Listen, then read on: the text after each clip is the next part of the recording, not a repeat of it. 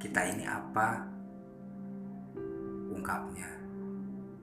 Jarum jam, jawabku. Kenapa bisa jarum jam? Ia bertanya.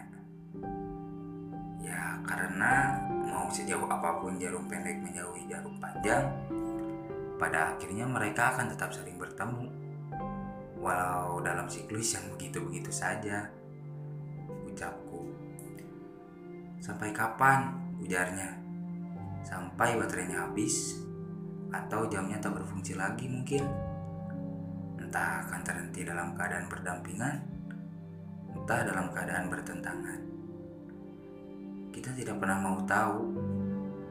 Kau dan aku hanya ditugaskan menghabiskan waktu bersama, bukan menghitung waktu yang dilewati bersama. Tapi terima kasih ya atas waktu yang telah dilalui bersama. Meski mungkin tak selamanya dan walau hanya seumur baterai. Aku sering kali berharap jamnya mati pukul 12 tepat saat aku dan kau tengah berdampingan. Terlalu tinggi memang, tapi begitu kenyataannya. Sudahlah, biar kuringkas saja ungkapan di atas agar kau tidak perlu lelah memahaminya. Maaf, aku bahagia pernah menghabiskan waktu bersamamu.